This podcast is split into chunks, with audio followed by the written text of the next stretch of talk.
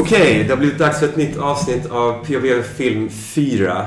En podcast som är knuten till tidskriften Point of View. Och idag befinner vi oss i centrala Stockholm i en studio som tillhör regissören Peter Grönlund.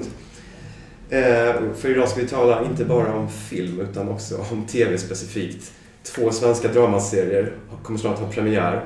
Eh, Lisa Langsets Kärlek och anarki i Netflix i början av november. Och Peter Grönlunds Björnstad i HBO Eh, nu i helgen som redan har eh, rosats i pressen, fått fina recensioner och beskrivits som, som årets svenska dramaserie hittills. Eh, citerar Carolina Fjällborg i Aftonbladet. En uppslukande, snubblande nära perfekt skildring av grupptryck, machokultur och den tveeggade bygdementalitet som kan vara både sammanhållande och destruktiv. Caroline Eriksson i Svenska Dagbladet skriver Guldbaggevinnaren Peter Grönlund gör vad han kan av Fredrik Backmans roman Björnstad. Det räcker långt i berättelsen om hockey och toxisk maskulinitet i en norrländsk småstad. Hockeyn blir i Björnstad en metafor för en mentalitet, för hur barn fostras och för hur lojalitetskonflikter hanteras. Eh, jag tänkte bara börja med att ställa, ställa frågan till er båda. Det är, här, det är två väldigt uppmärksammade serier redan som, som, som tapetserar stan eh, och som också kommer få en enorm utkomst till den globala publiken. Eh, Björnstad går upp i hela Europa och Netflix går upp över hela världen. Eh, jag tänkte börja med att fråga liksom, hur känns det för er som, som tidigare framförallt har gjort eh, långfilm? Eh, förvisso som har nått ut i världen också, men, men det här är ändå någonting annat liksom, vad gäller just publikfaktor. Hur, hur, hur tänker man på det när man arbetar och hur liksom känns det nu nära på premiären? Eh, jag har nog jobbat med en så aktiv förträngning. Jag är ganska bra på det. Alltså jag har bara tänkt här på materialet, materialet, materialet och hur ska vi berätta den här historien så bra som möjligt. Hur ska det? Så jag har inte tagit in liksom eh, riktigt eh, mängden människor som får tillgång till serien.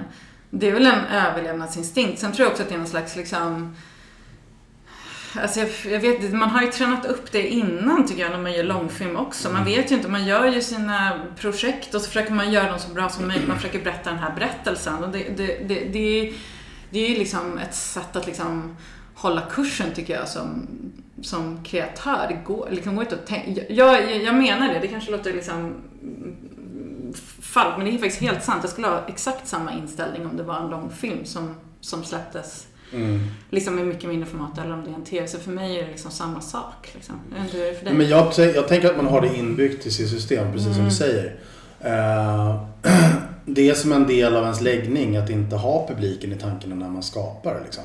Alltså det, det måste vara uh, giltigt för en själv. Mm. Det är den processen man ser till hela tiden när man, när man arbetar. Allt ifrån att man skriver till att uh, man sitter i klipprummet tror jag på det här? Tycker jag det här är bra? Liksom? Och, och någonstans har man den förmågan som, som, som regissör att liksom inte tänka längre än, än, eh, än, än verket. Liksom. Och, och det kommer i nästa steg.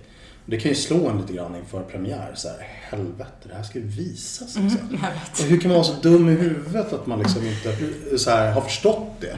Och lite, lite som så här, hur dålig var man inte i början när man började skriva? Vilken tur att man inte censurerade sig själv. Uh, för då hade man ju aldrig fortsatt. Utan liksom att man hade det där övermodet att fan så här, det jag gör verkar vara rätt bra. Liksom. Fast det var ja. skitdåligt i mitt fall.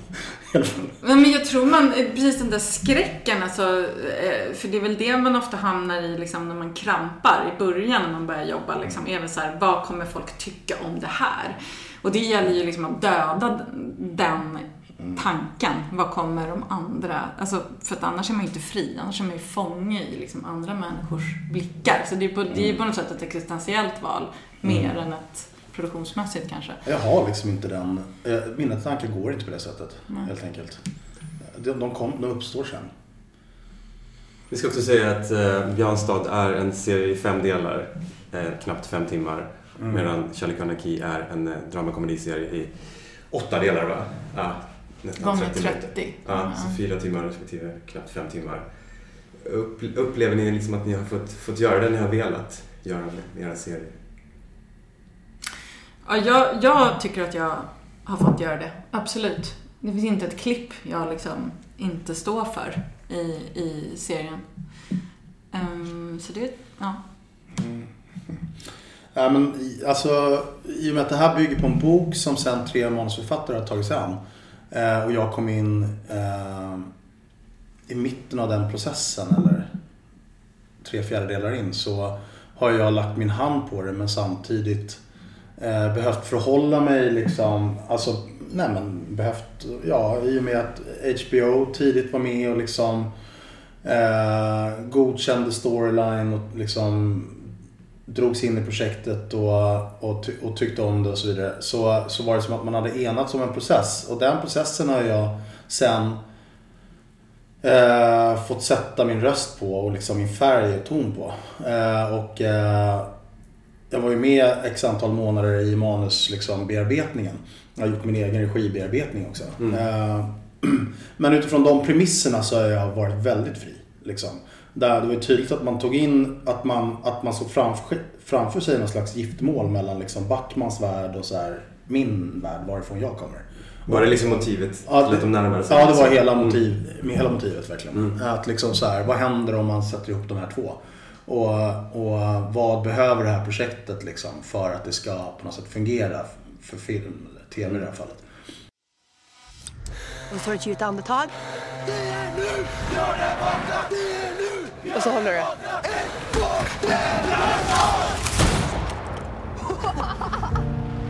Jag vill bara säga att eh, jag är, eller vi är, jätteglada att, ha, att vara hemma igen. Fan, har du sett hon? Nya tjejen. Peter Anderssons dotter. Men vi ligger ju för fan på botten. Hela den här jävla stan är på botten. Hela Björnstads framtid hänger på oss nu. Kevin, gå ut dit och ta det ifrån dem. Allt är ditt.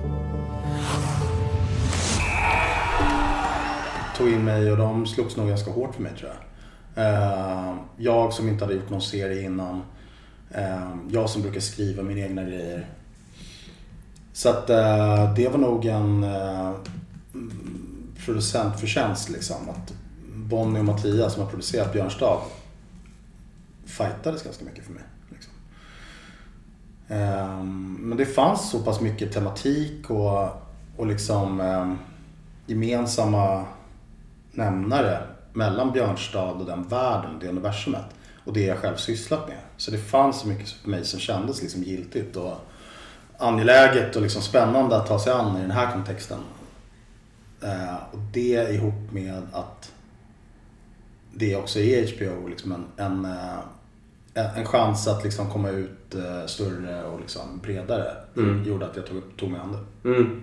Men absolut, det finns ju flera tematiska likheter i förhållande till Tjuvheder och Goliat. Som vi nämnde tidigare, just det här maskulina, mm. det våldsamma, avfolkningen. Ändå så är det ju här, alltså själva grundstoryn ännu bredare än det du har gjort tidigare. Liksom. Mm. Känner du liksom att det var ett problem någonstans liksom att ändå sätta, liksom sätta din stämpel på det? Liksom, att du var tvungen till liksom, att smalna av det? Uh det, är, det, det som är intressant och det som är problematiskt någonstans, eller liksom, som man måste också se, det är ju att det är två skilda verk. Liksom. Det, är, det finns en roman och det finns, det finns nu en tv-serie. Uh, och att förstå att så här, nej men romanen är liksom, det är på något sätt ett universum att hämta den här historien ur. Uh, och och uh, förstå att vi kommer inte kunna tillgodose varenda aspekt av den här, den här texten. Liksom. Utan vi måste hitta ett sätt att förhålla oss till berättelsen. Och på så sätt liksom göra rätt så krassa val. Eh, för att inte skymma huvudhistorien. Liksom. Det är en multiplott med en massa spännande liksom, intriger som delvis kommer fram i serien men som också vi har behövt liksom, förhålla oss till eh, ekonomiskt. Så att, eh, och jag tycker att den har hittat, hittat en form, att vi har hittat en form för, för en fin liksom, filmisk berättelse. Eh, absolut. Som, som fungerar. Det är liksom ett, det är ett så stadigt verk. Liksom. Mm. Skilt från romanen. Så du upplever inte att de processen med tidigare långfilmer och den här processen med Björnstad, de är inte så olika egentligen, alltså i själva det, det konstnärliga, för dig? Egentligen inte. Det är också intressant, jag vet inte hur det blir, Lisa. jag vill gärna höra, men för mig när jag skriver så då är jag författare liksom har på mig de glasögonen. Liksom. Sen när jag ska regissera så behöver jag liksom erövra materialet från författaren, från mig själv. Och eh, sätta på mig de andra liksom, regi, regiglasögonen och liksom ta mig an det igen utifrån liksom en gestaltnings, eh, eh ett gestaltningsförhållande. Och, och, och eh, den processen är ju likadan. Alltså jag, jag eh, sitter ju med i den här utvecklingen av manus liksom ett halvår eller fem månader eller någonting. Och liksom jobbar väldigt nära det, den. Och, och, och eh, på något sätt under den tiden så genomgår jag precis samma process som jag gör som regissör för mina egna alster. Liksom. Så det var, det var inte så skilt. Det var det, jag trodde ju aldrig att jag skulle kunna regissera någon annans material. Men det, det var inte problematiken. Liksom. Det var inte det svåra. Hur är det för dig? Och när jag började skriva Kärlek och anarki så visste inte jag om det skulle bli en lång film eller en serie. Utan jag hade bara en så här, jag visste att jag ville göra någonting som var om samtiden som liksom var, som man kunde, som var roligt att titta på. Jag satte liksom upp den utmaningen för mig själv. Eh, att jag ville, så jag visste liksom vilken känsla jag ville åt och sen började jag liksom utforska den. Um, um, jag har gjort en film som heter Hotell tidigare så jag liksom trivdes väldigt mycket i den världen, blandning mellan liksom humor och allvar och ville att jag ville, visste att jag ville fortsätta liksom verka i den, det jag hade hittat där. Så jag visste liksom, jag visste alla huvudkaraktärer och jag visste att det skulle vara ett bokförlag och jag visste att huvudpersonen skulle vara framtidskonsult och jag visste liksom att den här, le, hon, den här Sofie Rydman som är framtidskonsult som börjar jobba på ett bokförlag som hon ska digitalisera och hjälpa in i framtiden. Eh, hon, eh, och så träffar hon den här eh, IT-teknikern Max på det här förlaget och så börjar de ge de här utmaningarna till varandra. Liksom. Eh, Så jag visste liksom hela den leken var klar för mig, bokförlaget var klart och också vad jag ville liksom på något sätt säga med den här konsultkaraktären. Men sen liksom höll jag på att utforska berättelsen om det skulle vara en långfilm eller om det skulle vara en serie. Eh, Men sen upplever jag också att mina långfilmsmanus har blivit så otroligt långa. Jag har alltid haft så här, fler karaktärer, behövt stryka ner och så här, så att Eh, när jag gick och bollade med det där och sen så träffade jag Fatima Varos eh, och eh, Frida Asp. Eh, Fatima kände jag sedan innan. Och Producenter, liksom, producenter, precis. Och vi hade snackat om helt andra saker liksom. Eh, och då var de så här, alltså berättade jag vad jag höll på med. Och då var de så här, ja ah, men skulle Fatima var så här, ja men skulle skulle det där kunna bli en serie tror du? Och då hade jag liksom inte tänkt tanken. Och så gick jag så bara, nej det, nej, det tror jag inte. Typ. Och så gick jag hem. Jag hade ju liksom ingen förankring någonstans i. Så jag, det var ju liksom ett år där jag undersökte materialet. Och sen så så jag hade hur mycket material som helst som sen blev ett synopsis, skar ner det till tre sidor som liksom ganska konkret historia och sen presenterade vi det för Netflix. För att jag upptäckte att det var roligt att det var mer material liksom. Det är en stor jävla kränkning. En våldtäkt av litteraturen. Jag förstår ju att det här är mycket, mycket känslosamt. Och, men, men Friedrich, alltså, det, det här, det skulle bli konkurs annars. Det här, det, det, det, det, står- Om jag får säga vad jag tycker så, så, så tror jag faktiskt att det här är det bästa som kunde hända oss. Va? Ja, det är större ekonomi vilket ger mer frihet. Vi kan jobba bredare och därför smalare Friedrich. Det, det ger fler perspektiv, mer representation. Exakt så är det ju. Och det är precis den här superpositiva bilden som jag vill att ni fokuserar på när ni två ska presentera den här nyheten på Bokmässan. Va? Bokmässan. Ja. Över min döda kropp! Nej, alltså hela litteratursverige kommer se på oss som horor. Det, det, det, förlåt, men det kan vi inte göra. Det, det funkar inte så. Nej. Nej. Ja, det, det, är ju inte, det, det tror jag inte kanske. Varför säger du nej? Det var ju ditt förslag. Nej, Ditt nej. förslag? Var det ditt förslag? Nej, det, vi, Nej, vi, men, vi, Ron, men Ronny. vi, vi, vi spånade bara och det, det kom upp som ett bra förslag. Och vi tänkte... Ut härifrån! Ut! Så! Ut! Ja, ut! ja, ja, ja, ja. Lägg av med det där! Jag går. På mitt sätt.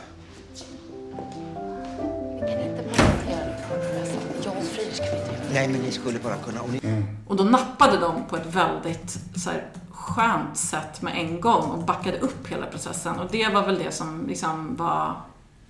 Det var väldigt skönt att få liksom, få få en så liksom, eh, stark eh, uppbackning när man har, för det är ja, som du också, när man skriver manus rakt ut i ingenting, man har ingen aning, man, dels har man inga pengar liksom, medan man jobbar, men man har framförallt ingen aning om man är så här, ska du liksom, i all den här tiden och allt det här varit utkastat någonstans, att liksom få en uppbackning att, eh, men då hade jag i och för sig ganska mycket material från början. Så att det, men jag tror att så för mig så har väl eh, har det väl, det har inte funnits någon förlaga så att jag har inte heller haft något liksom, har inte funnits något litet rätt och fel utan vi, liksom, vi har ju fått kasta oss in i den här historien allihopa. Liksom. Men det jag bara gå tillbaka till liksom, den, de två skilda processerna. Hur mycket Mm. känner du? För jag tror att vissa författare är väldigt medvetna om regin när de skriver. De som också skri- regisserar sina berättelser. Medan jag inte är det.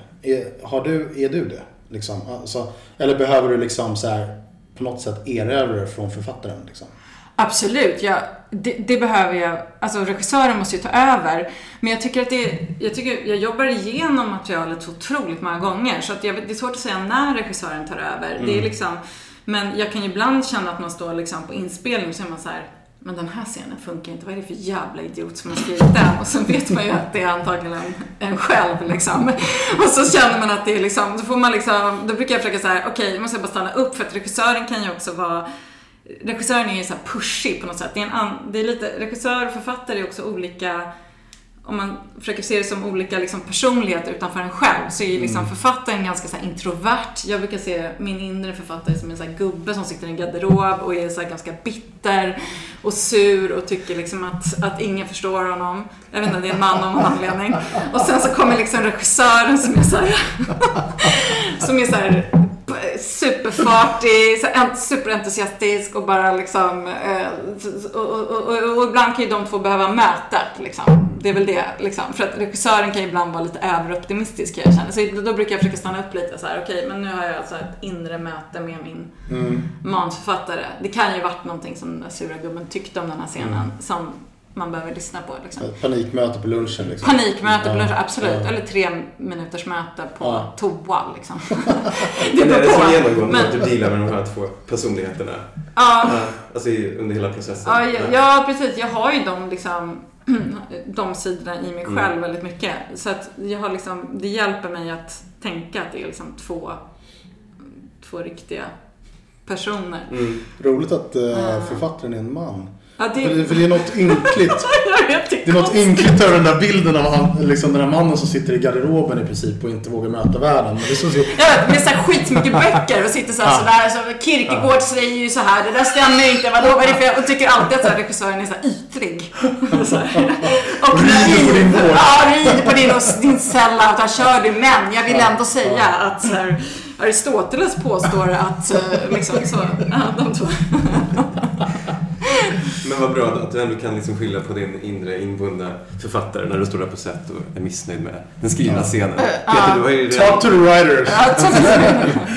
Precis, men du har ju ändå någon skillnad på nu konkret. Du behöver inte hitta på en... Nej, underbart. Nej, men de, de har gjort ett fantastiskt jobb. Och de har också gjort ett fantastiskt strukturellt jobb. Jag förstår ju det själv liksom. Hur svårt, eller hur annorlunda det är ändå att skriva tv-serier. Jag har ju gjort liksom en gång tidigare, jag skrev Tjurheden som en tv-serie först. Men, men eh, det är ju liksom en annan strukturell uppbyggnad och eh, helt andra utmaningar. Liksom. Samtidigt som man som i, i, i serieformatet slipper liksom den här långa andra akten som kan vara förödande i en, i en långfilm. Så slipper man det och kan liksom hela tiden pusha mot en, liksom, mot, mot en eh, stark utveckling och en, och en typ en cliffhanger helt enkelt. I, i, i serieformatet. Så det är både, det är, det är både utmaningar och liksom medvind på något sätt. Men, men eh, vad var frågan förresten? Eh, nej, precis. Det var ju, frågan var ju mer om hur du kunde skilja liksom på dina manusförfattare och liksom på författaren i sig, medan Lisa har ingen alls att ta- rygg på. Jag har haft några medförfattare som kom in senare också, Ja. det ska jag också säga. Så att jag har inte skrivit varenda liksom, millimeter själv. För första gången så har jag haft liksom, någon som också har varit delaktig. Liksom. Mm. Men ja, det, det är ju så. Man står på, det, vissa saker funkar på papper och liksom på sätt så är det plötsligt, det ska möta, den här texten ska möta människor, det ska gestaltas liksom. Och, Men individu individuella eh, personer där då som liksom eh, där någonting kan flyga hos, en, hos någon men inte hos en annan liksom och sådär. Då behöver man ju ha den lyhördheten och den liksom flexibiliteten.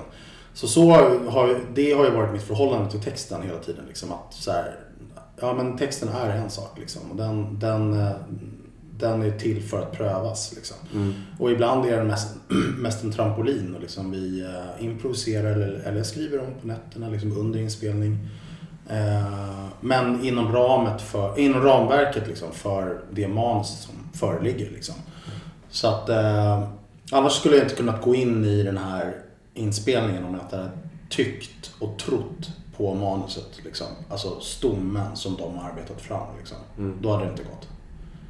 Så det går inte att föda någonting från ingenting. Liksom, utan det måste vara det måste vara ett ramverk som man håller sig ganska strängt till ändå. Annars så virrar man bort sig i dramaturgin och i, längre fram i processen. Mm. Lite du har nämnt tidigare liksom att, att, att du har funnit det väldigt befriande liksom, att processen har varit mycket snabbare och kortare än med flera av dina långfilmer. Hur upplever du Peter, liksom, att processen, liksom, har det gått fortare för dig i det här än med en, Eh, en långfilm? Ja, men så det känd, I och med att jag har skrivit mina filmer, eh, de jag har gjort, så har jag eh, lagt ungefär tre år från att jag skriv, började skriva till att jag har en färdig liksom, produkt. Då. Eh, och här är det lite annorlunda. Här, det här tog två år och är mycket längre. Men, men då kommer jag in senare i processen och vi har en intensiv förproduktion, en superlång och intensiv inspelning. Och sen så har vi en postproduktion som är bra mycket längre. Vilket gör att man liksom sakta sugs, eh, ja, men sakta sugs liksom energin ut ur kroppen på något sätt. Så det känns som att det är längre fast det är ett år kortare. Liksom. Och det är för att det har varit så sjukt intensivt under de här två åren. Mm. Medan man sätter sig ner och skriver så har man ändå kanske ett år på sig att liksom så här, i sin verkstad. Eh, en slags upptakt till att det håller på att realiseras. Liksom. Här blev det bara in i stormen direkt från postproduktionen i Goliat in i förproduktion och manusbearbetning, manusutveckling. Liksom. Eh, så det, det var ju eh, det är en annan process liksom, men den kändes längre än två år. Mm. Men ni hann, spela in, ni hann spela in allting innan Corona bröt ut? För ni spelade in en, visst, några Ja, block vi hade ju en corona. paus. Ni hade en paus. Ja. Mm. Alltså en, en covid-relaterad paus? Ja, det hade vi. Vi hade tre veckor kvar. eh, Och, eh, och sen var vi tvungna att pausa. När det liksom var som värst där i mars. Eh, Det var ju svinjobbigt. Just när man har liksom hittat någon slags, man har jobbat så många månader på sätt och man har hittat liksom in i en form. Och sen behöva bryta liksom, utan och framförallt då att inte veta när vi skulle kunna börja igen. Det var väl det Fan, som var liksom vidrigt, verkligen. Det var vidrigt. Att, för det var ju så osäkert där och det var det ju för alla människor så det var ju inte mer synd om mig än om någon annan eller om oss än någon annan. Mm. Men det var en vidrig liksom mental fuck-up verkligen. Ja men det är ju det som är, det, visst är det så för alla människor men inspelning är inspelning. Det är liksom Mm. någonting som står utanför de mest, alltså det är en egen formel eh, av, av eh, totalt liksom akut tillstånd. Ja, det är ju det. Så- så det- det är skillnad, Så att alltså. bromsade och vi, det var ju liksom så här från ända till en annan, du vet. Alltså, så liksom. Men jag kan se efteråt och det, det, det är liksom eh, att, att det var bra, för, för vi klippte parallellt. Ja, ja. Ganska mycket. Ja. Eh, så, att, eh, så det var ganska mycket liksom, jobb på helger och så för, för att få upp det. Och det jag fick liksom, med den här pausen på sex veckor, det var ju att jag helt plötsligt fick så här, en paus mitt i att så här, fundera dels på slutet, som jag skrev om lite under den här tiden, Ja. eh, vilket var väldigt bra. Eh, och jag, kunde, jag fick lov att klippa liksom, igenom materialet som vi hade. Mm. Mm. Och det var ju underbart faktiskt, att Mm. liksom kunna stanna i en process, se över vilket noga, vilket material som finns innan man liksom fortsätter. Det, så, så för mig så var ju den där pausen, kan jag säga efteråt, liksom, när jag, Ja. eh, bra för, för projektet. Även om det var osäkerheten var vidrig när den hände. Gick ni tillbaka till eh, när, ni kom, när, ni, när ni återupptog inspelningen? Gjorde ni om eh, saker och ting då? Alltså vissa saker? Alltså, Ja, ja det, precis. Ja, eh, nej, du, du menar av Ja, det alltså, material vi hade spelat in? reshoot, liksom? Ja, precis. Nej, nej, Nej. det gjorde vi inte. Nej. Eh, alltså det föll sig väldigt... Vi var, lyckades precis filma klart. Vi har, jag hade ett studiobygge som var liksom eh, vi var helt beroende av. Liksom. Och den här pausen, eh, vi lyckades göra allt vi kunde, allt vi behövde kvar i det studiobygget. Vilket Ja. gjorde att vi liksom var friare i, i det som sen skulle komma. Hade den här pausen kommit mitt i studiobygget så hade produktionen liksom kunnat gått helt åt helskotta av massa olika anledningar för att det var för dyrt att hålla vissa saker och så här. Men, eh, men så att eh, så, jag menar, det är fruktansvärt med covid, jag ska verkligen inte säga. Men för, rent kreativt för mig så landade den så bra som den kunde. Liksom. Och nej, det var egentligen att det fanns, liksom, fanns en liten tråd i slutet som inte riktigt var helt ultimat. Som jag hade haft en känsla hela tiden, så här, det här går att göra lite, det här går att vässa liksom. Jag hade inte riktigt tid att Mm. ta tag i det. Eh, Men då fick jag den tiden så att jag kunde skriva igenom och det är liksom att vinkla vissa scener. Mm. Sen hamnade vi ju i en situation att, att vi inte kunde filma med mycket folk. Det var ju också underbart att vi, vi har till exempel ett avsnitt som utspelar sig helt bokmässan.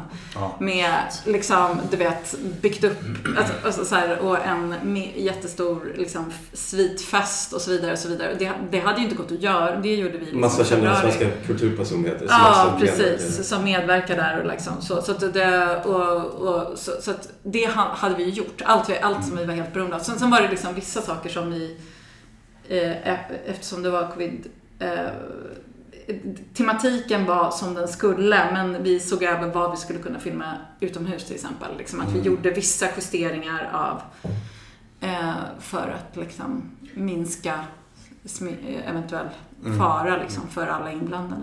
Men jag, ty- jag tycker att det, liksom, det blir nästan som en, som en meta-händelse i sig att, att den här serien har premiär i Netflix liksom, eftersom den i så hög grad berör det digitala versus det analoga. Ehm, och att det liksom, för den här huvudpersonen som du nämnde tidigare, hon är ju liksom en, en hon är ju en digita- digitaliseringsivrare som, har sett, som går liksom på, som liksom, hon förskräcks liksom över förläggarna som går på magkänsla Mm. huruvida de ska ge ut det här manuset eller inte. Jag tycker att de ska införskaffa en app där man kan Precis. se när läsaren slutar läsa så att man kan justera materialet så att man får breddar konsumentgruppen. Precis. Men då det fina, det hela då, för hon kommer in och liksom implementerar de här metoderna så ganska fort och efter diverse händelser där hon hamnar i underläge så utvecklar hon en relation med den här unga IT-teknikern på Mm. kontoret eh, och- de övergår, istället för att sköta sitt jobb så, så spelar de ut massa olika pranks där de utmanar varandra till att göra den ena galna grejen Mm. till den andra. Liksom. Alltså man går från det här väldigt digitala till något behovet av det analoga. Liksom. Mm. Eh, Bra, snyggt. En GT till till damen. Varsågod. Tack. Snyggt. Ja, nästan lika snyggt som ditt säljsnack. Mm. Det såg nästan ut som att du hade skrivit den där boken. Ja, det kanske jag har. Har du det? Alltså, det var jättelänge sedan den blev aldrig klar. Men, jo, jag har skrivit den. Vad handlar den om då? Den handlar om en tjej som eh, vaknar en dag och inser att hon eh, inte är någon person utan hon är ett frö. Fortsätt. Ja, det här fröet blir en blåklocka som sen blir en ros. Den här rosen växer och sen blir ett träd. Och trädet är slutdestinationen, eller? Nej, nej, nej. Hon fortsätter växa och inser att allting innehåller någonting som i sin tur innehåller någonting annat. Hon bara fortsätter växa över alla gränser. Hon blir en hel skog till slut. Kärlek och anarki heter den. Hur, hur mycket finns det av Lisa Langset liksom i, i den där karaktären som är ganska dubbel ju? Du, du pratade tidigare om. Eh, Mer än vad jag vill tro, tror jag. Alltså, jag har en slags, liksom, hon är ju en helt hopplös människa, men hon var också väldigt rolig att hitta på, väldigt rolig att gestalta. Eh, Jag och Ida hade väldigt roligt med, med den här karaktären. Ida liksom. Engvall. Ida. Engvall, ja. ja. Vi, vi har haft väldigt roligt med henne. Alltså, eh, hon, eh, nej men jag, sen, alltså, jag har gått med tankar kring det digitala versus det analoga väldigt mycket. Jag tror att det är speciellt vi är ju liksom den generation som ändå var vuxna liksom, när den här digitaliseringen har slagit igenom. Jag tänker på mina barn som växer upp med den som en självklarhet. Liksom. Det är en Mm. helt annan grej. Och att jag, det, var liksom, det var ju något som hände, eller det är ju något som händer med Så att eh, jag ville liksom ändå, jag är själv livrädd för det digitala. Eh, liksom i alla dess former. Jag jobbar ganska mycket på att försöka vara liksom mer öppen mot Mm. det. För att det blir så jävla, man blir så deprimerad. Annars vill man ju bara flytta ut på landet och isolera sig liksom. Men eh, jag ville göra en hyllning till det analoga. Mm. Absolut. Ehm, så att eh, en hyllning till liksom det som är nu, det som ändå är nu, nuet. Här, Fan vad här su- och nu. sugen jag blir liksom. på din serie. Jag vill verkligen se den. Jag kan också ana nästan en, en, en, eh, ja, men en rund kritik liksom av, av ja, men film-Sverige i någon mån. Just i den här urvalsprocessen då, huruvida man går på magkänsla då, att det är två personer, motsvarande konst- filmkonsulenter till exempel, som tar beslut huruvida någonting ska bli av. Eller om man helt och hållet liksom går på algoritmer liksom, i det här siffersamhället. Mm. Liksom, är det någonting som du har tänkt på? I, Ja, men jag tänkte, alltså jag valde bokförlag för att jag, jag har också vänner i litteraturvärlden och jag tycker när vi pratade mycket om så här, vilka utmaningar som litteraturvärlden står inför så var, fanns det ju verkligen stora likheter med utmaningen som filmvärlden står inför. Alltså hur, hur, ja, tillgänglighet, liksom, hur ska vi göra, hur vet man vad som är bra och dåligt, liksom, hur, ska, hur mycket ska man anpassa sig efter en mark, liksom, var ska pengarna komma ifrån, vem ska betala? Alltså det finns Mm. otroligt mycket frågor. Så att det var roligt att langa in allt det på ett bokförlag. Och sen har ju vi också, vi har ju också en streamingtjänst i serien. Som, så, så, så, så att vi driver ju liksom som, som är en stor aktör liksom, som kommer in och, och har, Köper upp förlaget? Eh, Ja, precis. Streamas. Så att det, det finns liksom, eh, vi har liksom, vi har, jag har liksom langat in allt och försökt driva med allt, inklusive mig själv och streamingkulturen och bokvärlden och eh, liksom, mm, det var, det var väldigt roligt att få göra det. Liksom. Mm. Men du har aldrig fått några liksom, gli- gliringar eller kommentarer just från kreativa producenter på, på Netflix? Apropå innehållet sådär. Nej, men jag tycker det är väl det största beviset att, att vi har den här streaming, Streamas, då, Mm. som är världens största streambolag, som kommer in och köper bokförlaget i avsnitt tre. eh, hela konkarongen liksom, och hur de ska förhålla sig till det. Eh, så att det, det, jag tycker, det, ja, det är väl liksom, där det är väl största beviset för, på att jag har fått göra det jag ville. Liksom. Att Netflix inte, de har inte ifrågasatt det en enda gång. De har bara garvat. Mm. Så att eh, där, det, och det var ju väldigt skönt. Eh, mm. Svårt annars kanske. Att kunna driva igenom serien. Ja, Alltså, ja, precis. Om det hade funnits ett motstånd till liksom grundbudskapet så kanske Ja, fast liksom på något sätt så var det väl, jag har inte försökt liksom, vi har ju försökt gestalta samtiden och den här korsningen mellan alla de här olika, när vi, eh, liksom, kultursynerna. Det var ju det, det har ju inte varit liksom att någon har mer rätt eller någon har mer fel än någon annan. Utan för det tror jag, vi är mitt inne i någon slags liksom, samhällsförändring. Utan det har ju varit att försöka liksom, eh, titta på de här olika karaktärerna. Reine Brynolfsson spelar ju, Friedrich han spelar ju en gammal eh, litteraturräv. Liksom. Mm. Och vi driver ju lika mycket med honom som vi driver med Streamas. Så att jag menar, det finns liksom, vi försöker bara har försökt se det med humor, liksom, hela, han hela diskussionen. symbol- Symboliserar den gamla världen där, där, han konsten gör ju det. står över allting. Precis, han, där, där konsten står över allting och konsten, man bryr sig inte om folks privatliv. Konsten är fristående, litteratur, litteratur. Det är det vi sysslar med här, vad folk gör privat. Mm. Skiter den fullständigt i.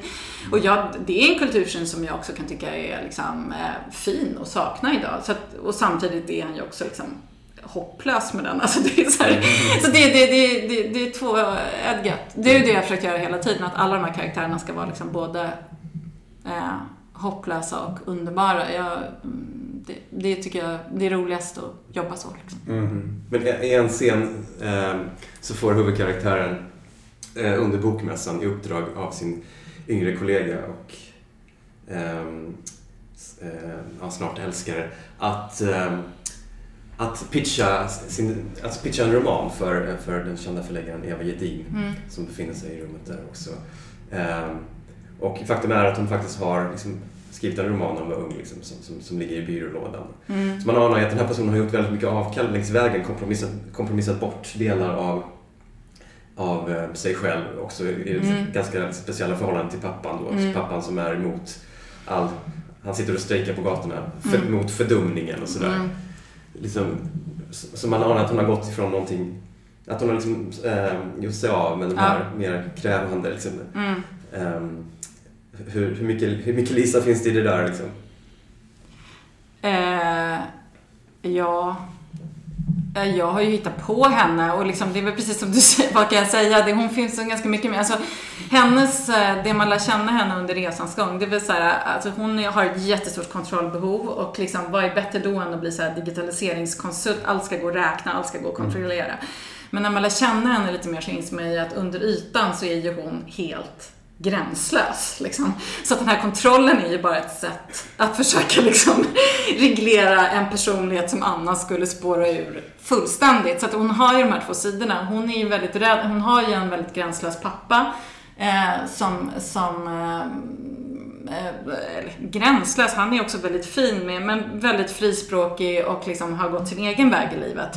Och jag tror att hon, det Sofie är rädd för det är ju att hon ska bli tokig, att hon ska trilla ut fullständigt. Jag tror att liksom hennes grundrädsla som hon behöver göra upp med i den här resan är ju liksom att, att, eh, att klara av att liksom vara, gå sin egen väg någonstans liksom och inte vara rädd för liksom galenskapen och vansinnet. Och, eh, det, för det tycker jag på något sätt, det kan jag också se ganska mycket, både i mig själv. Jag, jag tror ju alltid att jag ska liksom bli uteliggare eh, eh, och agerar utifrån att jag inte ska bli det. Liksom, jag har det som någon slags liksom, utgångspunkt. Det, det tror jag det, det är svårt att liksom, välja. Har man det liksom, i sig, att man tror att man kommer liksom, spåra fullständigt, så, så, så har man det. Får man Mm. liksom jobba med det hela livet. Mm. Men jag hoppas att jag inte är helt an, ensam med den känslan. Liksom, att man, Alltid haft precis samma känsla. Precis samma, ja. ja men det, jag tror att det, det kan också vara en sporre på något sätt. Jag har flera av mina bästa vänner som också är liksom kreativa, har också den känslan att liksom så här, ja men jag måste liksom jobba på. Jag, jag måste jobba jävligt hårt, för om jag inte gör det, då, Mm.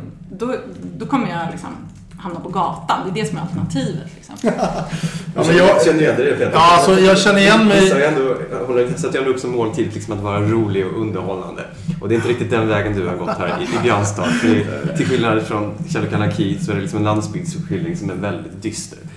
Hur mycket liksom, ja, hur mycket självupplevt har du där? Eller inte självupplevt, men hur, hur mycket känner du igen dig i den här extremt eh, maskulina, patriarkala liksom, landsbygdsmiljön där, där, hockeyn då, som står i centrum bestämmer hela dagordningen. Jag känner, jag känner igen mig jättemycket i liksom få alla, all, alltså alltid i liksom tematiken individ, individen eh, kontra det kollektiva. Liksom.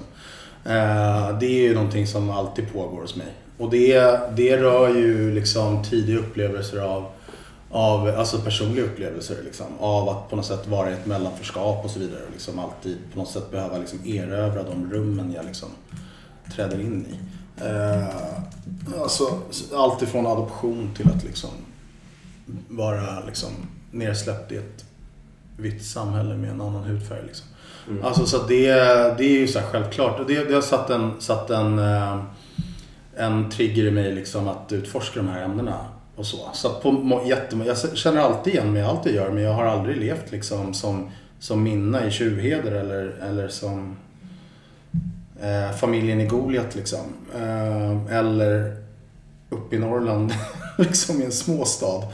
Eh, men det finns beröringspunkter och det är det som jag liksom har. Det är på något sätt det som sker för de flesta tror jag. Att man liksom tar steget från, alltså i den konstnärliga, i det konstnärliga uppvaknandet liksom. Att man tar steget från så här dagboksanteckningarna någonstans tidigt liksom och, och börjar omsätta det i liksom gestaltning. Alltså vissa gör inte det, vissa har inte behov av att göra det men konstnärer går nog ofta den vägen liksom. Och eh, eh, har ett behov av att liksom bearbeta det. Och då, min, min, mitt, mitt sätt har varit att liksom utforska marker som jag inte känner, eh, känner mig, alltså som jag inte liksom känner till till en början utan behöver liksom på något sätt ta ett steg in i. Men som också har beröringspunkter med allra, min allra innersta kärna. Liksom. För din kreativa process med, med långfilmerna, Tjuvheder och Goliat, har väl ändå varit ganska mycket att du ändå har sett, att du har gjort pass mycket research liksom, så att du har liksom Mm. varit där och, och sett ungefär. Jag menar, du bygger, du bygger en, en, en fiktiv värld utifrån någonting som du ändå har varit Mm. På plats och i någon mån liksom... Ja men det är ju samma sak här. Alltså det är ju samma grej här liksom. Alltså, för det första finns det ju massa beröringspunkter med, mellan, mellan de filmerna och den här serien. Eh, men sen är ju- jag är uppvuxen i omklädningsrum liksom. Alltså den... den eh, vad sa du? Den hårda jargongen. Ja men alltså sen är det ju... så- Ja det var ju en... Vadå för omklädningsrum? Nej men alltså jag Vad är spelar... det för omklädningsrum? Vad är det för De måste skydda Kevin när han går där. Också måste också skydda Kevin när han går. Fan, han kom i full jävla fart. Vad fan ska jag göra? Så vad jag säger åt dig är att du måste visa åt Kevin. Du kommer passa på att sura av Kevin. Ja men, håll bara käften. Jag kan.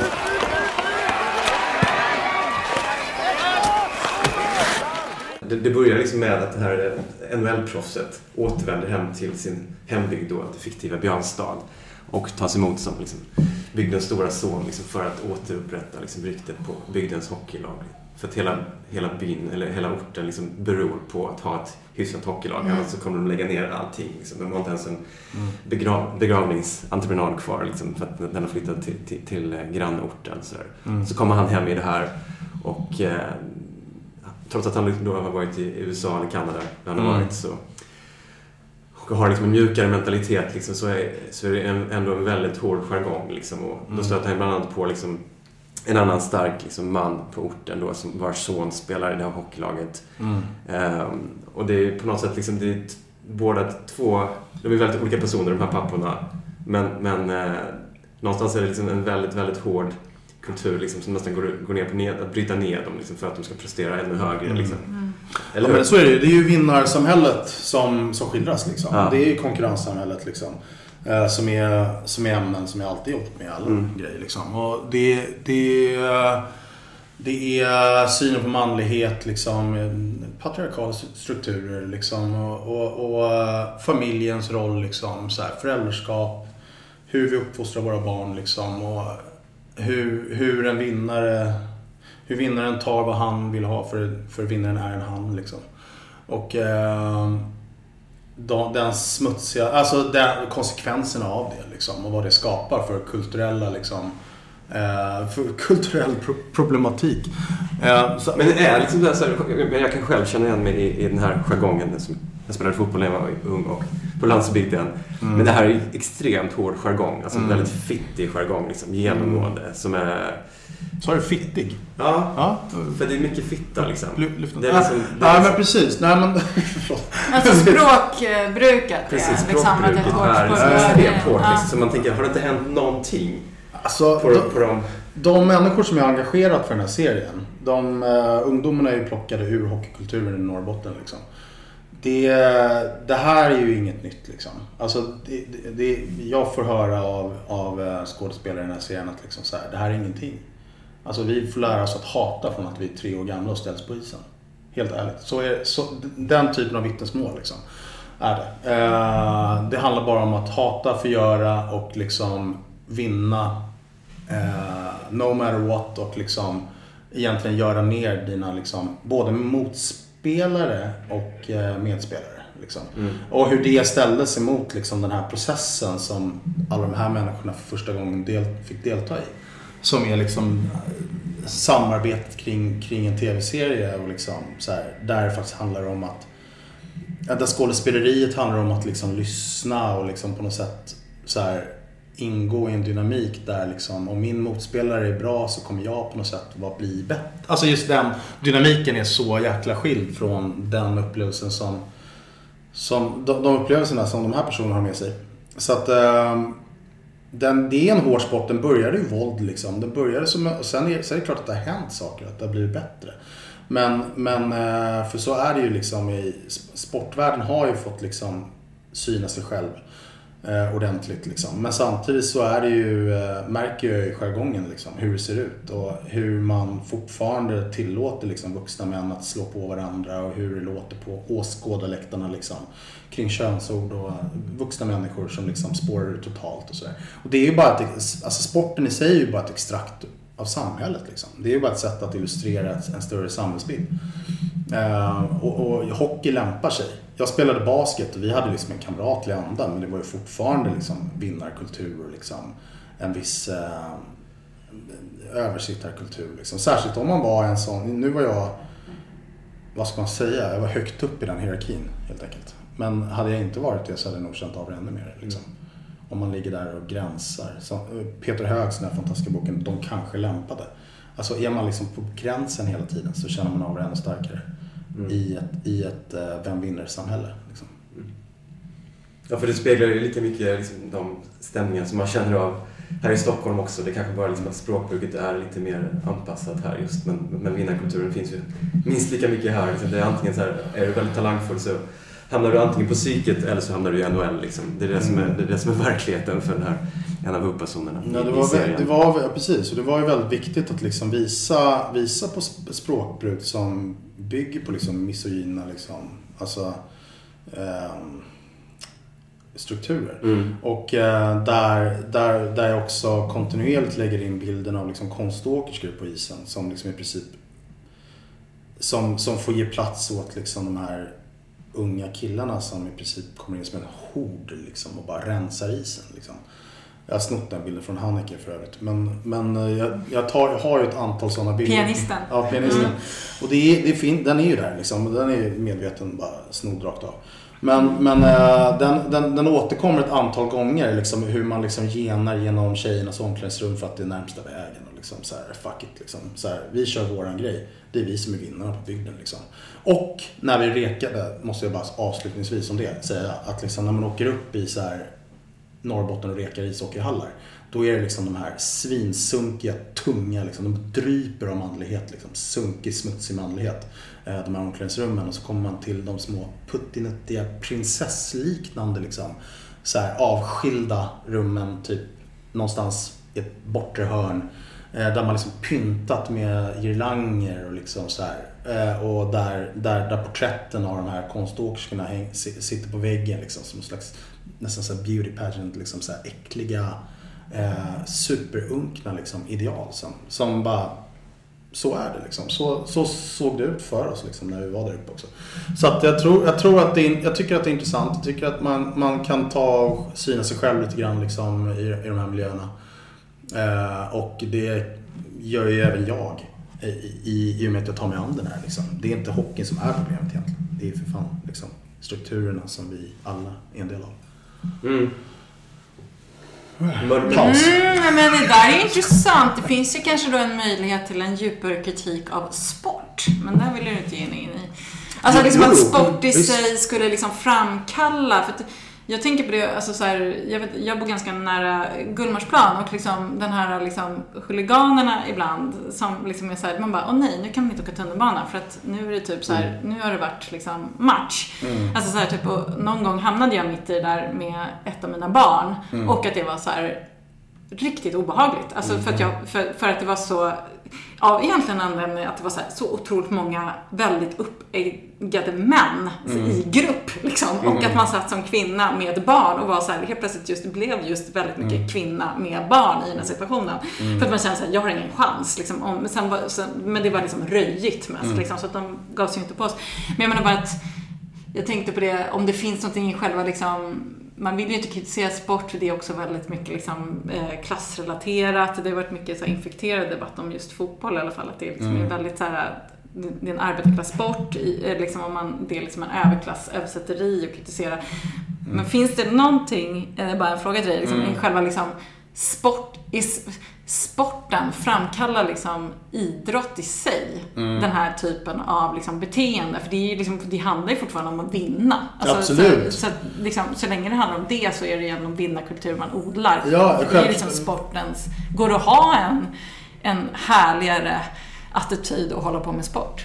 Nej men alltså jag, jag fattar precis vad du menar. Ja, det är klart att det finns en problematik, alltså inneboende problematik kring liksom kring sporten, sporten i, i, i just det att liksom det, det finns en vinnare och det finns en förlorare och man är beredd att gå liksom hur långt som helst för att vinna.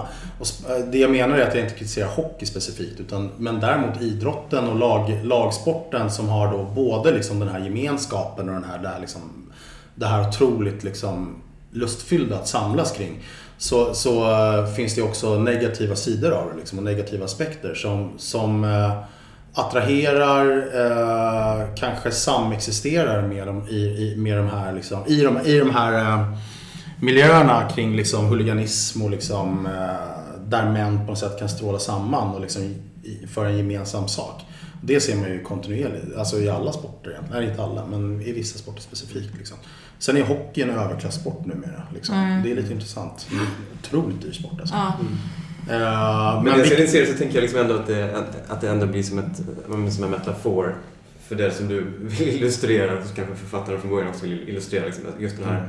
hur den här föräldra, individuella Mm. föräldrakulturen tar över. Liksom. Mm. Och det är, det är något väldigt universellt liksom, som man upplever här i Stockholm lika mycket Mm. eh, som på landsbygden förmodligen.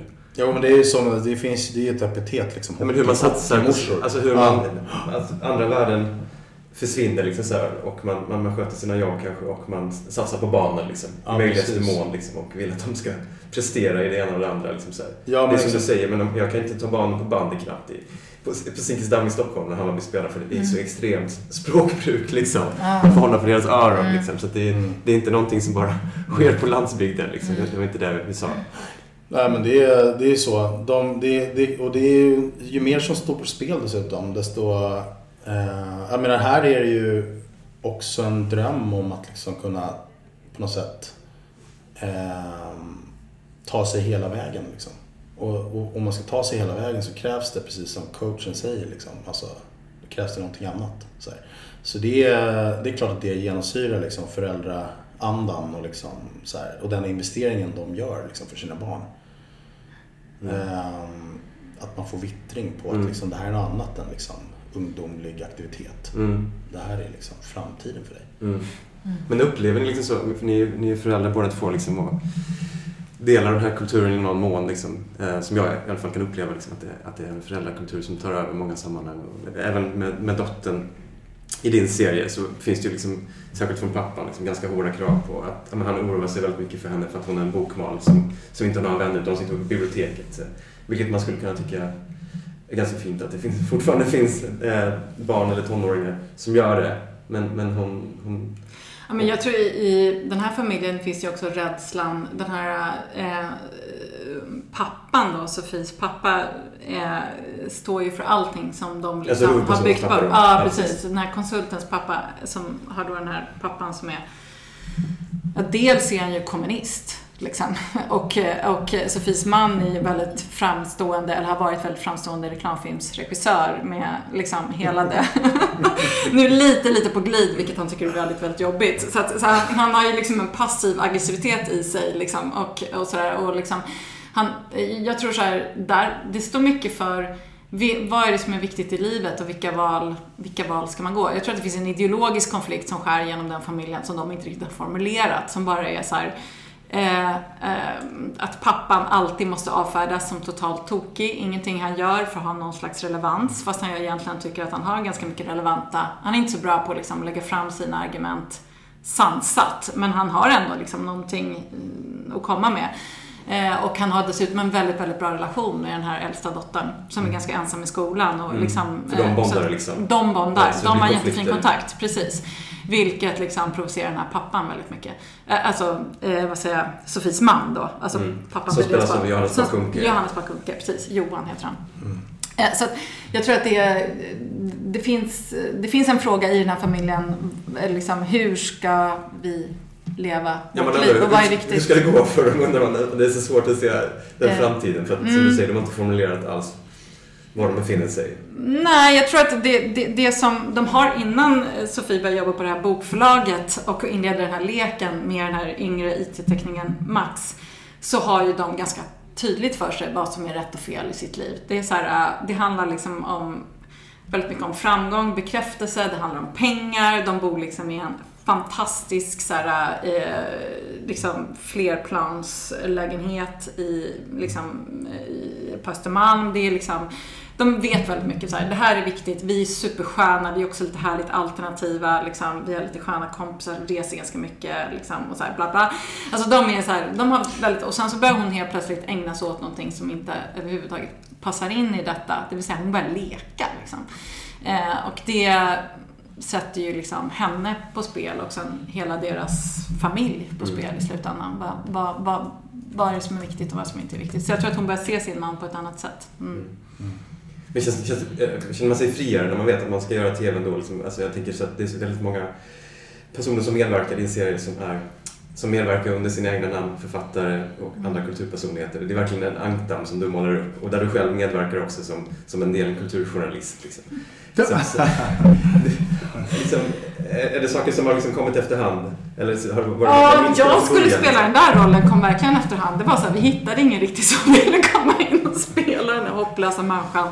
Så gjorde jag det. Alltså så här, så det, eller liksom, så, Så blev det så som det var en rolig grej och sen så var det kul att Stefan ville hoppa på och spela sig själv som Stefan. Stefan Lindberg. Ja, precis. Som bekant sen tidigare så här. Så då, då tänkte jag så här, ja men då kan jag spela hans galna exfru, det är okej liksom. Så, här, så att det, nej men det var väldigt roligt att jobba så. Alltså försöka Mm. jobba ganska, alltså eh, jobba lättsamt. Det finns ju också liksom en metanivå på det som, även om det kommer fram i serien, men som jag har tyckt varit roligt att förhålla mig till är ju liksom, jag menar det är ju ett skådespel. Allt det vi gör är ju på låtsas. Ingen är ju så, alltså allt är ju liksom en lek. Alltså, och det är också en lek som Sofia och Max håller på med. Så att, liksom, att leka med de här rollerna och jag är den och du är den. Och så här, liksom, det, det, det liksom gynnade energin när vi jobbade. Liksom.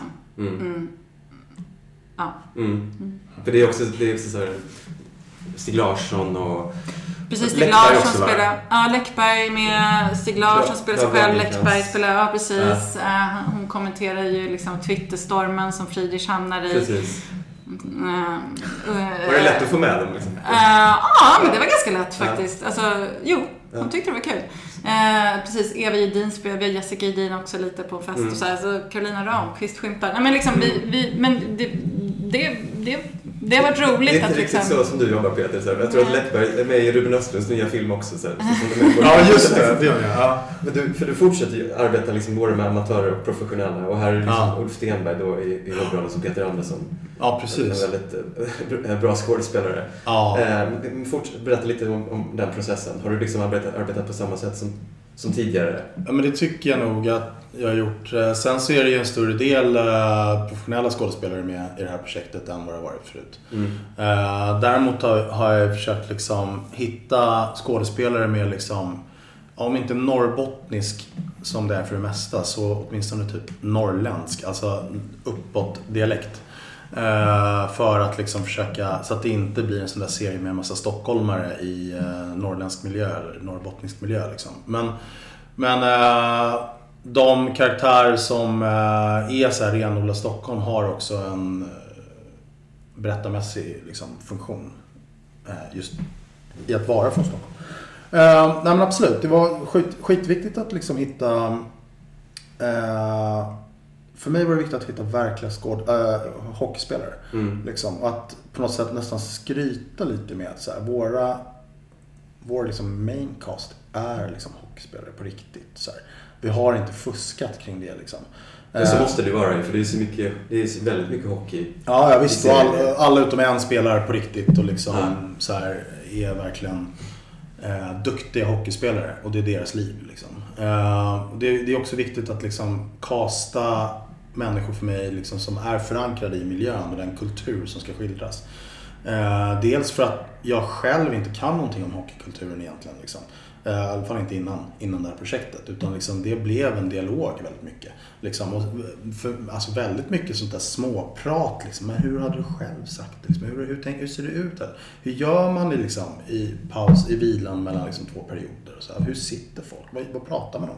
Pratar man alls? Un, liksom, sitter man och peppar? Alltså, och så vidare. Så, här. så att liksom, hela tiden få det in, inifrån perspektivet var väldigt viktigt. Uh, och, Uh, och sen gifta ihop dem med liksom gedigna skådespelare som har gjort det här förut och, kan, och lever på det och liksom arbetar ständigt. Skulle Eh, du, skulle du beskriva det som din metod någonstans? Jag träffade Lo Campi igår Ja. på en bokrelease och Ja. eh, vi kom in just på, på Tjuvheder och inte minst Gläntan då, en kortfilm som du gjorde före det och hon menade på det och han spelar en av de ledande rollerna i Tjuvheder. Mm. Att Tjuvheder hade varit omöjligt att göra för dig ifall du inte hade gjort de här förstudierna då i form av kortfilmerna. Skulle du liksom vilja beskriva liksom som att när du tar amatörer och professionella skådespelare, liksom, är det i det här mötet liksom som, Mm. som din personregi uppstår? Liksom? Är det någonting som du måste ha? Mm. Eller skulle du kunna jobba bara med amatörer och eller bara med professionella? Liksom? Eller finns det ett Men alltså, men, i, Gol- I Goliat så är det ju bara amatörer skulle jag säga. Det är ett par roller som är små, som är liksom mindre framträdande roller som inte är eh, amatörer. Men annars är det bara amatörer där. Och där handlade det om att till exempel Roland, alltså, som spelas av Joakim Sellqvist. Eh, där tänkte jag att det av liksom, nödvändighet skulle behöva vara en skådespelare. Liksom, för att det är en sån bred karaktär med så många, liksom, han behöver nå en sån botten samtidigt som han liksom ska kunna Eh, han ska kunna gestalta många lager helt enkelt. Och, men, men samtidigt så fan, de här liksom avgörande bitarna. Okej, okay, Okej, jag backar lite. För att det, det handlar ju om att fatta vilken form man jobbar inom. Exakt. Ja, jag menar jag kan, jag kan ju, jag kan ju liksom så här, det är klart man kan göra till exempel Goliat, en gangsterfilm, whatever, liksom, som, eh, eh, med, med eh, skådespelare liksom, som kommer dit och är liksom exponerade ansikten och sådär. Om, man har- om man har slutit det kontraktet tidigt, tidigt med publiken. Men, men att slänga in en eh, typ exponerad skådespelare i de här miljöerna och tro att man kommer undan med det hur som helst. Det gör man inte liksom. Så det är det ena. Det är det första man måste bara förstå. Så här, vad är det för värld och vad är det för kontrakt jag eh, liksom sluter med publiken här nu. Men sen så handlar det om att liksom de kvaliteterna som Roland, eh, pappan i Goliat, behöver ha liksom, är, är ju också det här våldskapitalet och de här sakerna som man inte riktigt kan om man ska befinna sig inom det här kontraktet så kan man inte riktigt liksom hitta det hos de som inte har erfarit det själva. Liksom. De som inte har levt i miljöerna.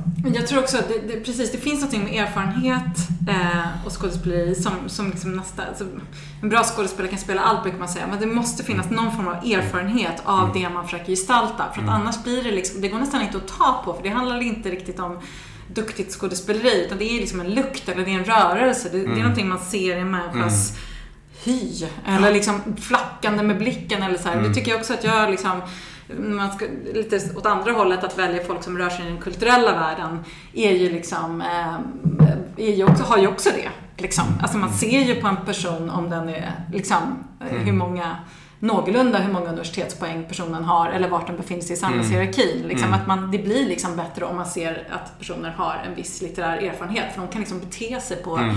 en mingelfest på bokmässan som inte går nästan att regissera. Mm. Liksom. Eh, Men jag tänkte också på det där med erfarenhet. Alltså när jag skulle casta Sofie så gjorde vi ett jättestort castingjobb där jag insåg så här, jag kan inte, eftersom Sofie har den här personligheten, att hon har den här kaospersonligheten under ytan och sen Mm. har hon den här kontrollerande personligheten ovan, ovanför. Så är det så här, jag kan inte gå och hitta en kontrollerad skådespelare som ska spela kaos. För det går inte, för de vågar det, kan, det, kan, det går inte. Liksom. Utan jag måste ha en person som kan förstå kaoset och är, liksom, kan förstå den här gränslösheten som sen låtsas vara kontrollerad. Eh, och det var liksom en twist för mig i castingprocessen. Jag fick liksom byta riktning för att om jag skulle liksom, ja, du fattar vad jag, Jag fattar menar. precis. Och det måste man... Hur kommer man fram till det? här? Alltså, hur, inser du att, att den här skådespelaren har det i sig? Liksom? När, Jag provfilmar ju extremt mycket. Alltså jätte, jätte, jätte, jättemycket. Alltså, och sen är jag bara glad och tacksam liksom att, Så ska liksom, hon ska liksom att folk fortsätter. Det har jag alltid gjort. Alltså så här, Mm. provfilmar, provfilmar, provfilmar och liksom ser eh, jättemånga olika scener och partier och kommer tillbaka igen. Och liksom, här var det ju också viktigt att hitta henne och den här relationen till den här unga killen. För eh, där är ju ah, killen som spelar Max, alltså Björn Måsten, han är ju helt oerfaren. Han har inte spelat någonting överhuvudtaget. Eh, så det var ju, och sen ville jag att den här åldersskillnaden mellan dem, den skulle liksom vara 15 år minst och inte mindre. Det är så himla lätt att man liksom börjar kompromissa på det. Det skulle vara en rejäl jävla åldersskillnad. Liksom. Mm. Hon är Plus att han ser ännu yngre ut än vad han kanske är. Ja, nej, men han är ju 22. Mm. Alltså, liksom, och hon är 35. Eh, eh, ja. Så det, det, liksom, tummar man på den åldersskillnaden så hade det bättre sen blivit något helt annat. Mm. Liksom. Ehm, så, Så det är svårare att casta de två än att casta alla de här kulturstereotyperna. Ja, det var ju det stora jobbet att hitta två stycken som också pallar. Alltså, att hitta ålderskombinationen men också hitta samspelet dem emellan. Liksom. Mm. Så där provfilmade jag båda dem i all oändlighet. Det var ju Mm. nästan så att man undrar Men, mycket man får Jo, men, provfilma. men det, blir, det utvecklas ju nästan till någon slags workshop. Liksom. Exakt vad jag skulle säga. Det, det blir ju ett samarbete. Man hittar ju arbetsmetoder under tiden. Så att provfilm är egentligen fel ord. Det ska väl vara någonting annat. Alltså man, man testjobbar ihop. Mm. Man testar och jobbar och ser vad som funkar. Det är också ett, ett, ett tillfälle för skådespelarna att liksom testa att jobba och se så här, nej men Mm. så här vill inte jag jobba. Bra, du kan hoppa av med en gång. För så här Mm. jobbar jag. Liksom. Så att det finns ju också ett sätt att liksom hitta och se om man funkar ihop. Mm. Jag menar, när jag skulle jobba med Charlotte Rampling, henne kunde jag inte provfilma, men då ringde, då var ju hon så här, kan inte du komma till mitt hotellrum så kan vi typ eh, testjobba lite. Mm. Och sen efteråt kan jag inse att det var ju hennes liksom provcasting av mig som regissör. Fast hon kallar det något annat. Och så testjobbade vi liksom en dag på hennes hotellrum och så kom vi fram till att det här funkar ju skitbra. Bra, då kör vi. Liksom. Ja. Men jag menar, test, man skulle byta ord provfilmning mot kanske test Ja. Jobbning Ja. liksom. Och man känner på varandra liksom. Som att det står där på inspelning och bara är så här, fuck det här funkar inte alls. Vi har liksom inget sätt att kommunicera med varandra. Liksom. Det måste man ju, och det tror jag många erfarna skådespelare också känner gentemot regissörer. Att det är så här, de vill också veta att det funkar. Mm. Eh, Det är liksom en ömsesidighet i det. Absolut. Ja, men jag gör samma. Liksom. Alltså, otroligt lång process. Liksom. Även om jag hade Uffe Stenberg omedelbart i tankarna för Mm. som huvudkaraktär. Eh, så satte jag honom i väldigt lång process av, av just testjobbning som du säger. Liksom. Och, men också jämt emot en massa skådespelare som kanske mer provfilmade. Liksom, för att kolla på kemi och liksom för att Mm. se. Men för att, och med, med honom är det ju så här, nej, men han är ju en, eh, en av Sveriges bästa skådespelare i mitt tycke. Men, men eh, han har, och han har också liksom en botten av, alltså en, okej, han har, han har ett, en superförståelse för just de här den här kulturen som skildras. Han jobbar ju mer som regissör också. Eh, på Teater Fryshuset. Så att han, han jobbar alltid med manlighetsnormer och machoideal och så vidare. Så Liksom. det är lite samma bakgrund som du på ett sätt att, Ja, men- att, att leva i det. Vi är sjukt nära överhuvudtaget som personer. Alltså vi, har, vi är lite grann som att vi strålar samman och i, liksom så här, utkommer på något sätt den här gestaltningen. Alltså det kommer långa, långa samtal och liksom en massa tid ihop som, som är just prov, eh, provjobb, inte provjobbande men liksom äh, nötande av olika scener och ställer honom mot olika karaktärer och så vidare. Eh, men jag, jag håller med dig, så här, jag tror inte heller att liksom så här, skådespelarna är som någon slags tomt skal som Nej. bara kan fyllas med vad som helst. Man måste liksom ha en botten Mm. som, som går att... Som, och det är så jag har jobbat med Lo och Malin eh, i Tjurheder till exempel.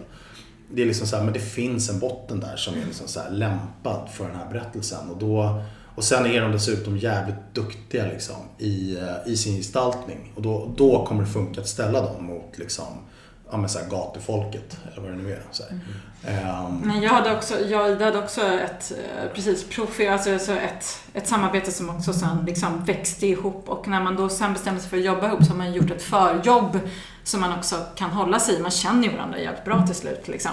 Uh, så att så att rollen på något sätt, det är ju det som är målen med att, att, att, att få en bra relation med en skådespelare är ju liksom att man till slut nästan har den här personen existerar. Man har fött fram någon slags tredje som gör att den personen finns på riktigt. Som man också kan släppa fri på ett annat sätt på liksom, inspelning.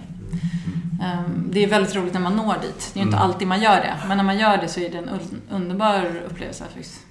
Ja, det är verkligen. Ja. Det, det är...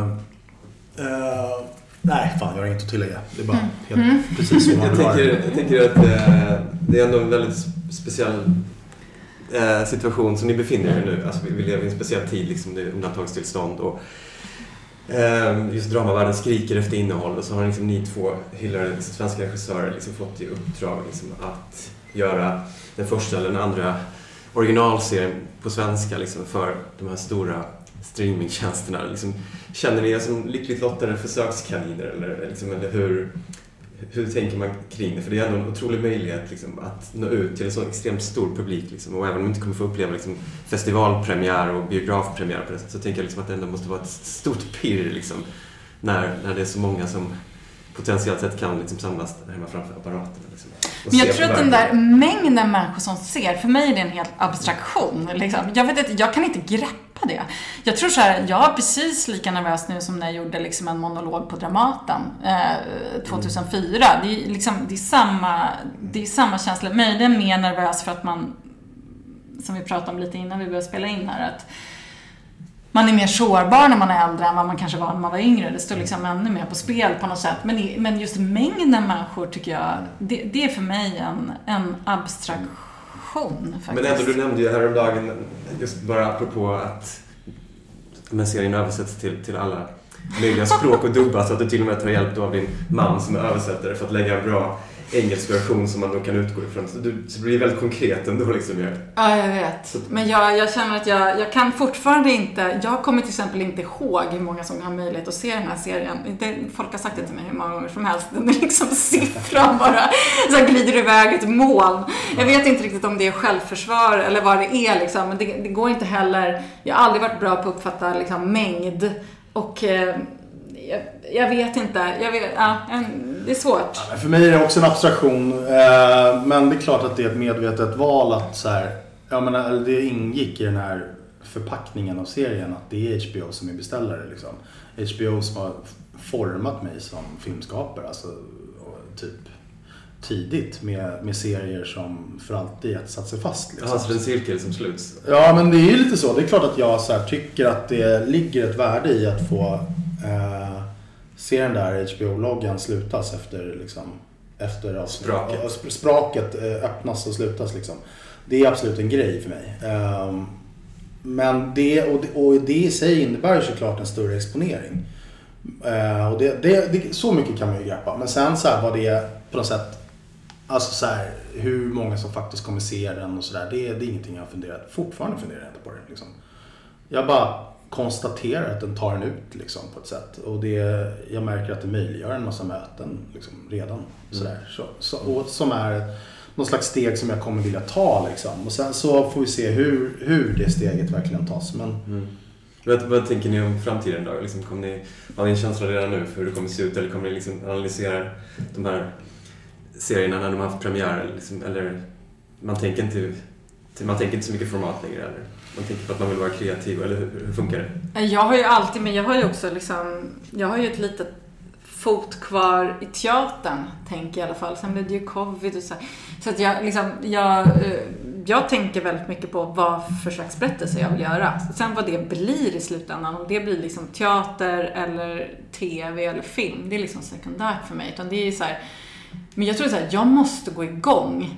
Eh, Och jag går inte igång på allting. Och går jag inte igång, då kan inte jag jobba liksom. Jag måste hitta den här så här den här, så här dum, den här, det här måste jag göra. Till, det, det här som jag liksom inte kan släppa. Som jag liksom, och det, och det, det, är liksom, det handlar om att tända på något sätt. Att liksom, Mm.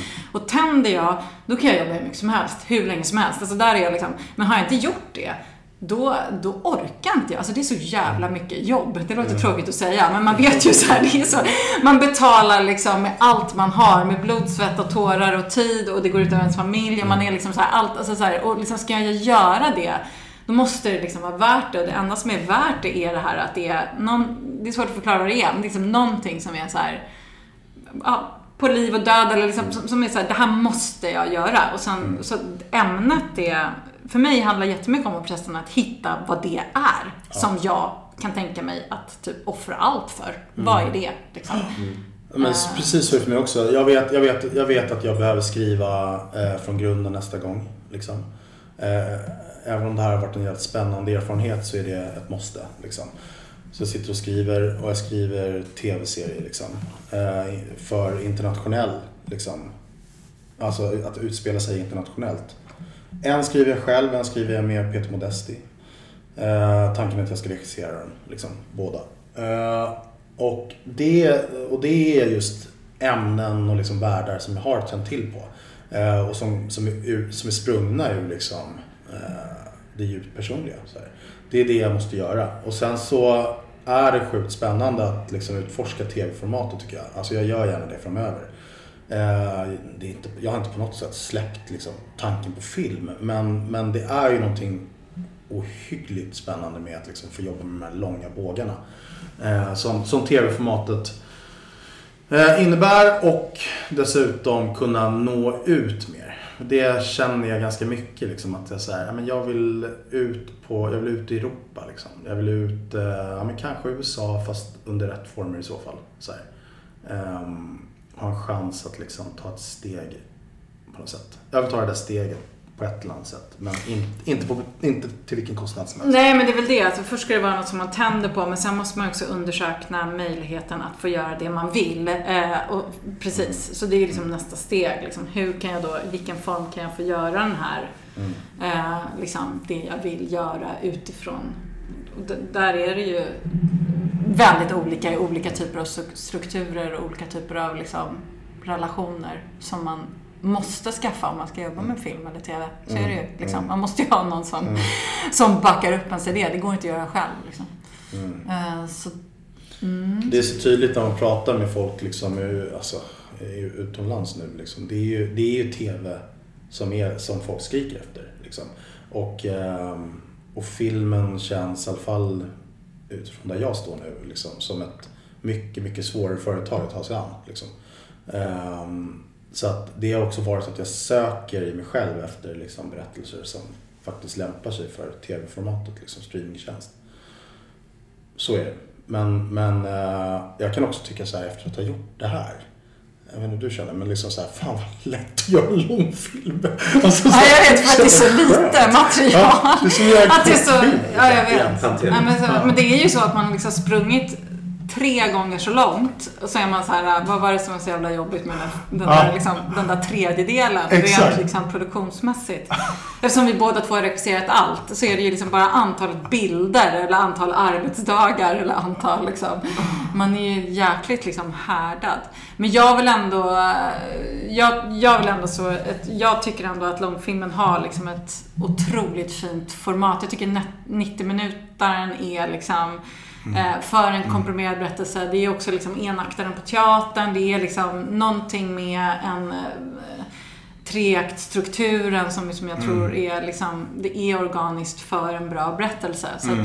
jag, viktigt att vi också försvarar långfilmen tycker jag i dessa tider i Mm, någon slags liksom, verkligen. Nej men verkligen. Att jag tror att jag tror bara att det är en fråga liksom, jag tror att långfilmen kommer komma igen. Jag tror att det liksom bara handlar om så här, hur då? Liksom. Alltså, Mm, för, hur, hur kan det formatet liksom hitta Mm. nytändning liksom, och, och, och hur ska det se ut? Och det är ju en distributionsfråga jättemycket. Ja, och där är det ju liksom, det har digitaliseringen och sen är det också eh, covid nu och liksom pandemin ovanpå det. Så det, är ju stora utmaningar. Men jag Mm. tror ändå väldigt mycket på alltså, formatet långfilm. Ja, men att det finns ett bestående värde i Ja, ja, i 90 den rytmen liksom. ehm, För det, det hör man ju från många människor, oavsett om de ser TV eller Mm. film, liksom, att de fortfarande tycker att det är ett idealt format. Liksom, när, när det funkar, liksom, Mm. att bli emotionellt påverkad och även intellektuellt stimulerad. Liksom. Ja, och det är klart att det är någonstans uppstår en mättnad på de alla, alla de dussinserierna serierna som bara pumpas ut. Liksom. Jag, ty, jag, jag håller med dig. Jag tycker liksom det finns en renhet i formatet långfilm som är så här. Ja, men det har en början, ett mitt och ett, en mitt och ett slut. Liksom. Eh, man avsätter den här tiden och man investerar i det här och får liksom den här otroliga översköljningen. Liksom. Eh, det, är- det, det är en så här snygg eh, och fan vetenskapligt bevisad formel som funkar jävligt bra. Ja men precis, lite vetenskapligt bevisat. Jag håller med dig. Jag tycker det är liksom, men sen, men sen, sen är det ju, precis för det är ju, långfilmen har ju, det är ju mer material att hålla liv i. Mm. Så det, så, så ska ju också hålla liv i, i liksom, man vill ju ändå liksom, man vill ju inte sänka sin nivå från långfilm till tv-serie. ja men det är ju liksom, det, det gäller ju att hålla liv i det man liksom, så, så, men, men det är intressanta tider. Men vi började med sex avsnitt på Björnstad. Det var sex avsnitt när jag liksom trädde in. Det var så strukturen såg ut. Men just att ha den flexibiliteten också. Så all cred till HBO i det läget. Liksom. Att vara helt beredda på att så här, nej men jag, jag, kände, jag kände bara det här måste ner. Vi måste banta ner det. Så vi tog bort ett avsnitt och infogade det liksom i, strukturerade om och så vidare. Eh, för, att, för att just kunna hålla liv i det. Liksom. Eh, och det, det är ju jävligt viktigt att man också hamnar under rätt omständigheter med rätt personer som fattar det. Liksom. Och som inte, inte liksom slätar ut det under liksom, och du vet, och det ska absolut kunna liksom bli en uppföljare och så vidare. Liksom. Så här, Björnstad står på egna ben själv i den här säsongen. Liksom. Det är den jag håller på med. Något annat kommer jag inte göra. Liksom. Alltså så, det, är väldigt, viktigt, det var väldigt viktigt. Jag har sett det som en så här lång, lång film på något sätt. Även om det är helt annan struktur. Intressant. Och med de där orden så tänker jag att vi rundar av det här avsnittet eh, han är även med en, en hyllning till filmen och filmkonsten från de här två tv-debuterande regissörerna. Jag säger tack till er, Lisa Langset och Peter Grönlund. Tack så mycket. Tack.